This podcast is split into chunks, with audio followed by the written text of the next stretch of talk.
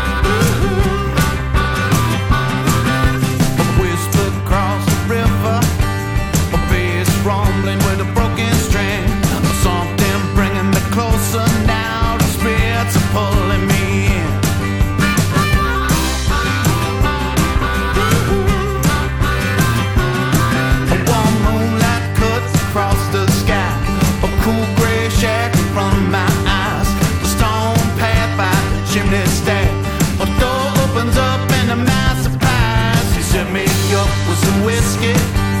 Gave me just a little taste.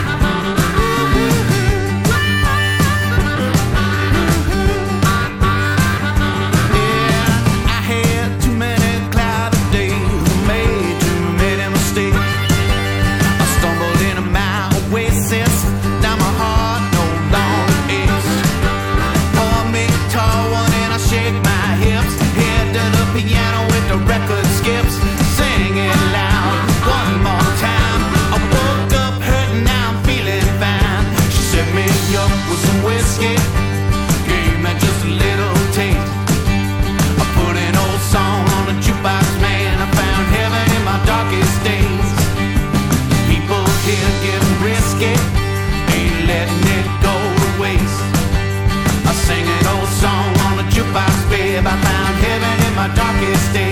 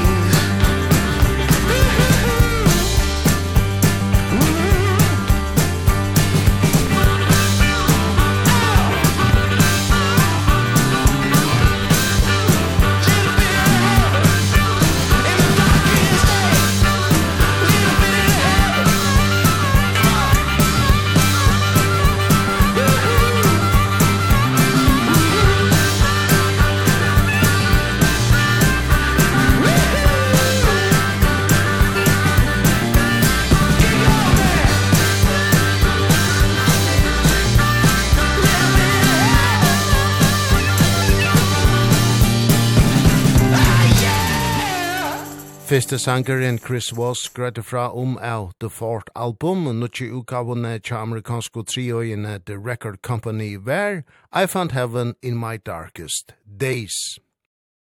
Nast nukkaste utgavan tja The Record Company, Play Loud, var utgiven i 2021 ta koronafarsøtten herja igjen. Og ta kom sjálvandi itla vi at heimeren nærum lukka i nyer, stafester Chris Voss we made a record we were really proud of and it got a good reception in the United States at least. Uh, I don't know how much impact it had overseas but um by you guys but um it it was frustrating to not play because playing music is uh playing live is what I love to do the most and connecting with people and seeing them at shows and and being out there. So that was frustrating, but you know, there was nothing we could do about it. So our attitude was we just roll along and we when the pandemic kind of where we were able to come back to playing concerts, um we realized that enough time had passed that we probably should put out another effort. So we put this one out. Etter at Play Loud var utgiven, stakk Eusemja seg opp i middelen The Record Company og platefella i Concord, og sappmalen partana middelen var oppsagtor. Ein trubel tui, men tar ui The Record Company gau ikkje opp, tverstur imøte struttes tar enn Moira, greier Chris was fra. In the United States, our label, um, right before the holidays, before the Christmas season, um, they had our demos and uh, this is before we released this new record. They they had a new head of the label came in and that person was not feeling what we were doing. So they dropped us uh which was surprising to us. I respect the decision. I don't agree with it. Uh we had made three records that had done fairly well you know for us. And uh, uh so we were a little shocked but you know what are you going to do? Uh, i grew up like i say i grew up on a farm. What i was taught is when something breaks fix it you got to fix it. So we just doubled down as we say, you know, we just put in twice the effort and uh at by the time the business opened back up after the holidays, we had interest from new label. We had recorded the record. This record was recorded by ourselves, produced by our bass player, and then the first single went up the charts again, so we're right back in the game and uh it's exciting to have endured that. And yes we did have a con we had a tour get canceled. We had all sorts of kind of uh challenges i would say. Uh but we you know when challenges come you got to you got to rise up and and face them. You know there's if you don't face them um they will take you down. And and i'm just i would rather go kicking and screaming with everything i got uh before i give up you know. Neste sangeren Chris Voss teker okken i jøknen av til Fort album er Highway Lady. Highway Lady, uh, that was kind of our tribute to a lot of like 70s sounding Joshua Tree music. We we took that it's sonically uh, a bit uh of, it's unique sound on the record but it fits. Um I think this is the one of the only times cuz I have a very big sounding voice So like whereas say like someone like John Lennon would double his vocal or Dave Grohl will often double his vocal. I usually don't. Um Kurt Cobain used to double his vocal, you know, but where somebody like Eddie Vedder would not double his vocal. Someone like Jim Morrison does not double the vocal because it's a big low voice. Um this one we did and it was really interesting to get that sound and uh and it's a really nice story about a girl and just heading out into the sunset, man, trying to get away from it. Highway lady Riding into the sun. Highway lady Riding into the sun. Da-da-dum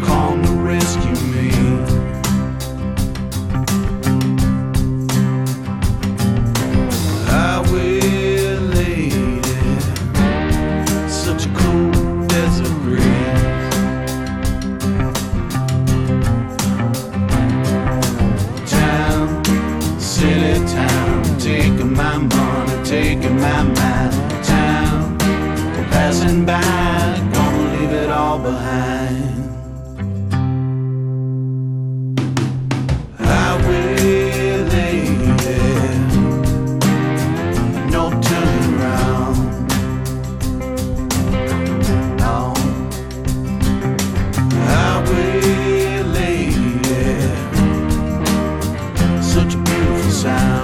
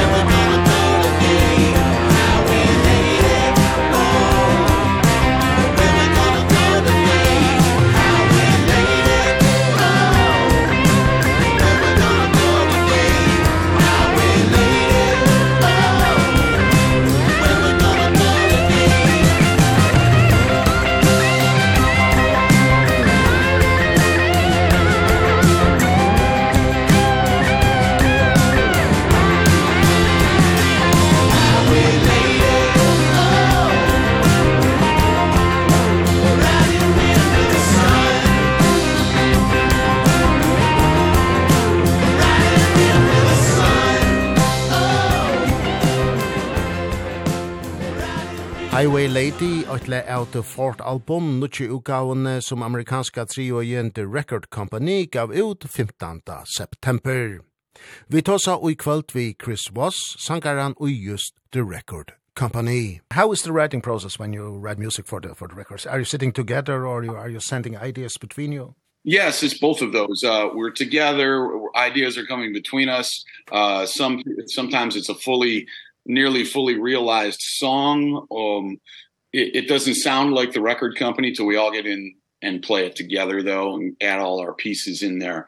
But uh the process is it, it, we keep it simple as we like we keep our sound. It's like if something is inspiring us we explore it. If something isn't we move on you know it it or we revi we put it in over in the corner and revisit it later. The biggest thing is to make sure that you know you're making a piece of music that you can really believe in stand behind because there're going to be people who like it there're going to be people who don't like it no matter what you do. So you as long as you can stand this is my perspective as my artist as an artist as long as the band can stand behind the album and go we love this we did this this is who we are this is where we were when we made it then everything else just happens from there. Yeah.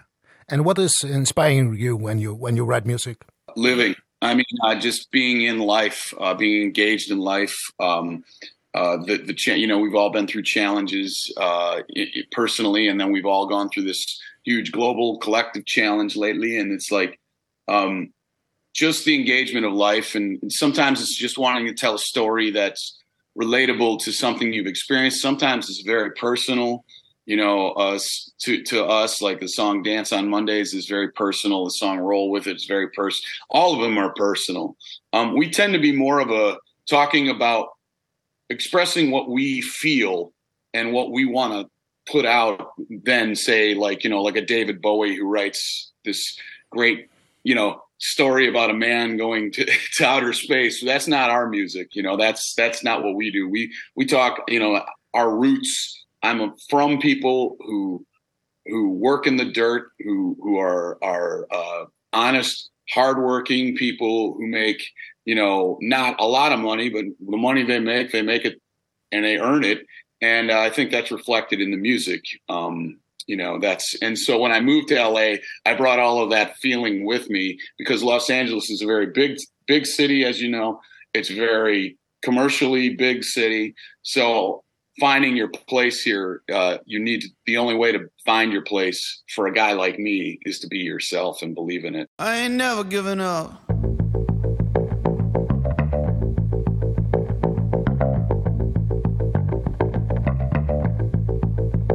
Stuck in a dead end but you didn't know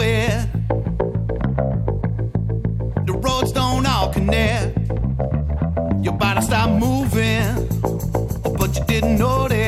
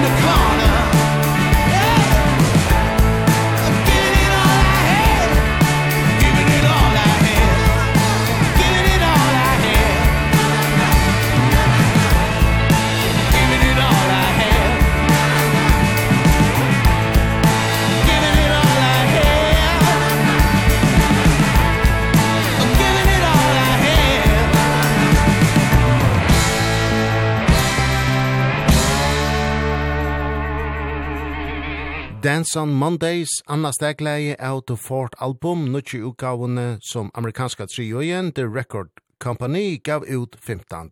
september. Teir bassleikaren Alex Stiff, som hever framleittes av fjori utgavene tja The Record Company. Han framleitt i òsne debutgave Torran, Give It Back to You. Chris Walls heldur ikkje at det er nekka trobeleitje at han limer i bøtjen noen teker framleisle leikloten AC. Kanska tvørstur du imot dem. It's something you develop out of respect. See, he produced our very first album, Give It Back to You, that had some pretty good success for us. And then after that, we moved away and we like on Play Loud we had another producer who and it was a great growing experience but you just have to realize I think we you learn it's like there's a time where it's your bass player and you're being a band and then there are times where you know the producer's role is to hear the whole song. Where sometimes when you're in the midst of creation i might be as a singer or the guitar player or whatever in the moment thinking of just how did that vocal take go blah blah blah. And the the producer has to hear the whole song. So when alex is speaking from a perspective of that guitar tone kind of doesn't work with this drum sound or whatever you just have to if you're going to ask a close friend and a member of your band to produce a record, you have to kind of give a, a, over some trust that you've made the decision because you know that guy cares. He knows what the heck is going to happen and he's just really good at it. You know, he he's not a fancy producer. He he'll be the first to admit it. We we record it and we we mix it our, and we let it go that's it. it it's not a hard it's not a big process. There's no like multiple guitar amps. There's no like it's just record it mix it. Does it sound right? Yes it does. Out the door it goes. Three sangeren Chris Watts teker okne on out of fort album er Patterns. And I've done this one of my favorites uh, Patterns. Patterns. That's one of my personal favorites too because it's just so so deeply in blues slash you know just kind of that garagey sound that you'd think you'd hear off a record from the late 60s or early 70s but still context today. It, uh, you know we all have these things we do every day automatically uh you know and that's what the song is. I have patterns in the morning i have patterns in the day i have patterns in the evening when i go out to play.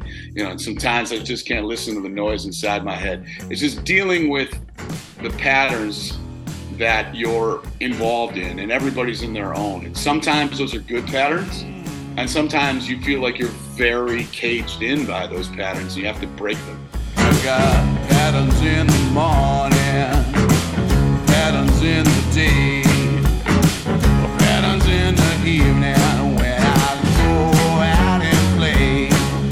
Some days I just can't listen to the noise inside my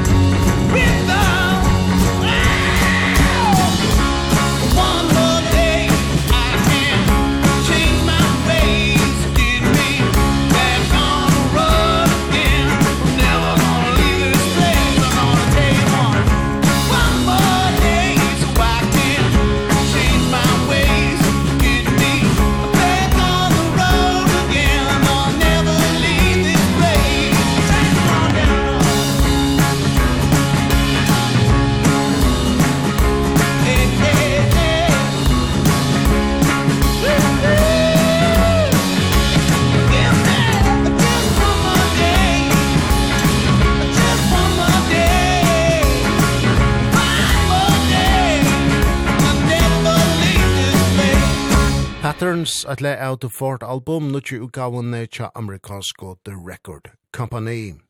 Ta vi spyrja Chris Voss hver måneren er heis i fjori utgavene tja trioene ur Los Angeles og Tamon Trimen undanfarno, så heldur han at henda nutje utgavan lutjes mest debututgave torra Give It Back to You fra 2016. Uh, the last album was a very, you know, one thing like when I, uh, our, our heroes teach us how to to create art you know uh they give us a a roadmap that you can follow or not follow. And like we look at a band like say like look at the Rolling Stones you know um and you look at their early records you know like 12 by 5 etc flowers etc um and then you listen to their later records like Goat's Head Soup or Let It Bleed or any of that stuff. They're the Sticky Fingers. There's an evolution in the sound but the core of the band stays the same. So for us the first record was very raw down the middle. The second record was a little more polished a little bigger sound. And then the third record Play Loud we went in with a producer and we really went for like a bigger rock sound. We wanted to see what that felt like. We spent more money than we ever had before. Uh probably wasn't good timing on that because the pandemic hit and then we went broke. But uh and then after doing that, now we've gone back to the raw like kind of center and you bring all the lessons of those records with you. So what we learned on the Big Rock record doesn't mean it's not reflected on this record. Um you have to be where you're at that day. The biggest difference though if you're just talking sonically is the last record has a very big rock sound that sounds like it belongs on like big commercial radio where this uh album has more of a a roots uh sound that's just you know that's the sound we make in our living room when we record the record. Fjoris Hanger and Chris Was taker okni on out of Fort album Nuchi Ukawan cha the record company er fista stakleie talk to me. Uh talk to me I think you know it's it's got uh more ethereal like uh it has a bit of a Motown beat behind it which is a little different for us. Um it's very centered around the bass and the drums and the vocal and the guitar is more ornamental uh which was nice. I like it. As a three piece band the less you can do sometimes is better because there's not a lot you can add. So when you subtract something it really adds to the experience. And when you add something in it adds again. So you have this great experiment with dynamics in that song. And the lyric is just you know it could be about a person and it could be I know what I think it's about. I don't like to spoil it for others, but sometimes you're just looking at something or someone and you just are like this isn't working. Why aren't we communicating? We got to talk talk to me. Give me something. You know, like let's work with something here. And uh that's what that's kind of coming from.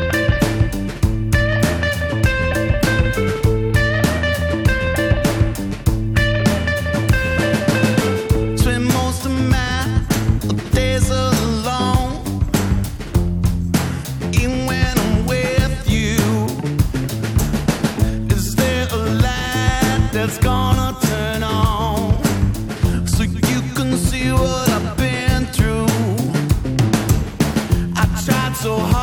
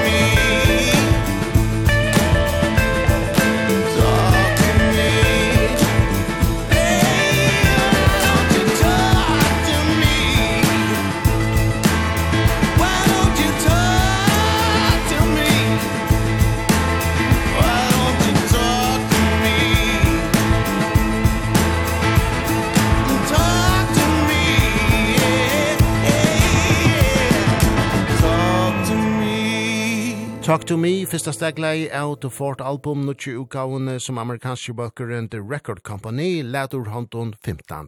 september.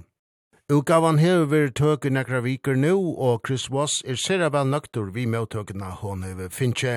Og om stått at høy slipper fjepparner, òsni at oppleva sanjenar live.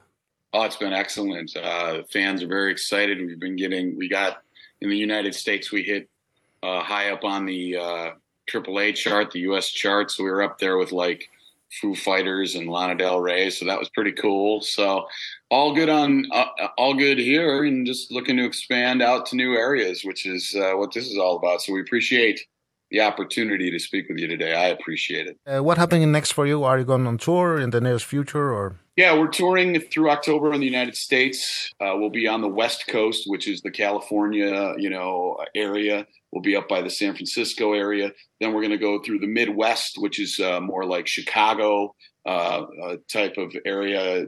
I have a hat on that says Milwaukee, which is Wisconsin. If Milwaukee, Wisconsin's probably the most famous for Harley Davidson motorcycles. That's where I lived for a long time. So we're going to tour through all that area. And then next year we're going to 2024 we're going to tour the entire United States. We'll tour Canada and we will come to Europe. Sanasa sankarin Chris Wasgrave fra om out of fort album nutchi ugavne cha amerikansko trio in uh, the record company. Air Control My Heart Blues. You know, sometimes you meet somebody that just your heart your very heart like leaps out of your chest and you're like what's going on? I can't control my feelings. You know that's really uh the long and the short of it. It's a story as old as time but you know we felt you know we really like uh my, some of my favorite records. There's like a a a, a muddy waters record called folk singer. There's a, a, a the grateful dead working man's dead um where there the acoustic is very prominent and they they just kind of lean into that or there is some really great kinks stuff that's that's got a lot of acoustic and that's where we were coming from. We just kind of wanted to we were like can we write something and put blues in the title and still have it sound fresh and like us? Because that's it's challenging to do. It it's an old old music form. It's a genre that's been around for 100 years. So um i don't it's not a traditional blues. Uh it's kind of like more like how in back in the old days they would say something something something blues and it would be a, a, a rock and roll song but it it had the blues in it. I, I, I, yeah yeah. I've been holding on too long. I've been holding on too long. I've been holding on too long. To old feelings. Yeah and burning me up inside. Dip and burning me up inside. Having you so close I'm moving slow. When the nights are long The nights are free And sing a song Sing to me. You lift me up You take me high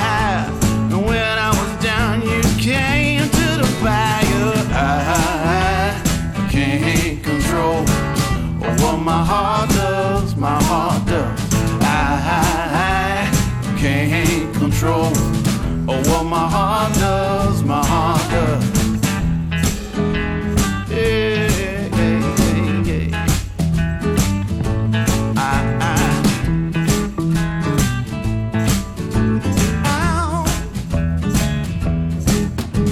I wanna dance with you, girl.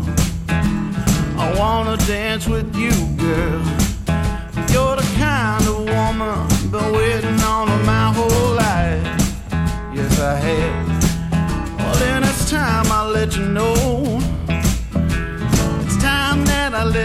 know.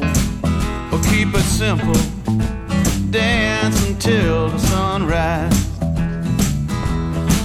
And the nights are long The nights are free. Sing that song and you sing to me. When you lift me up You take me high. When I was down you came to the fire. I can't control Oh, my heart.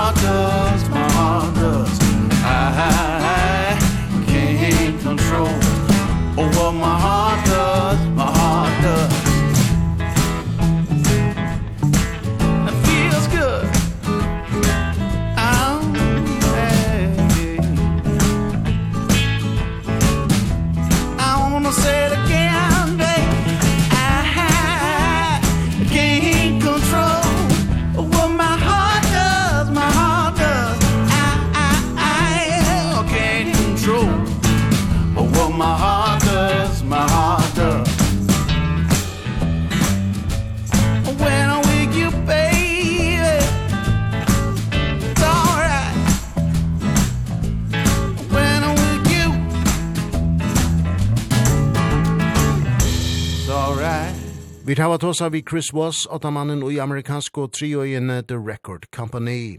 Vi tåsa vi om nukki uka av Torra The Fort Album som var utgiven 15. september. Chris Voss gradjøys ni okkom fra fem av sankanon, og nu til seinast tåg han okkom i jøknon Control My Heart Blues.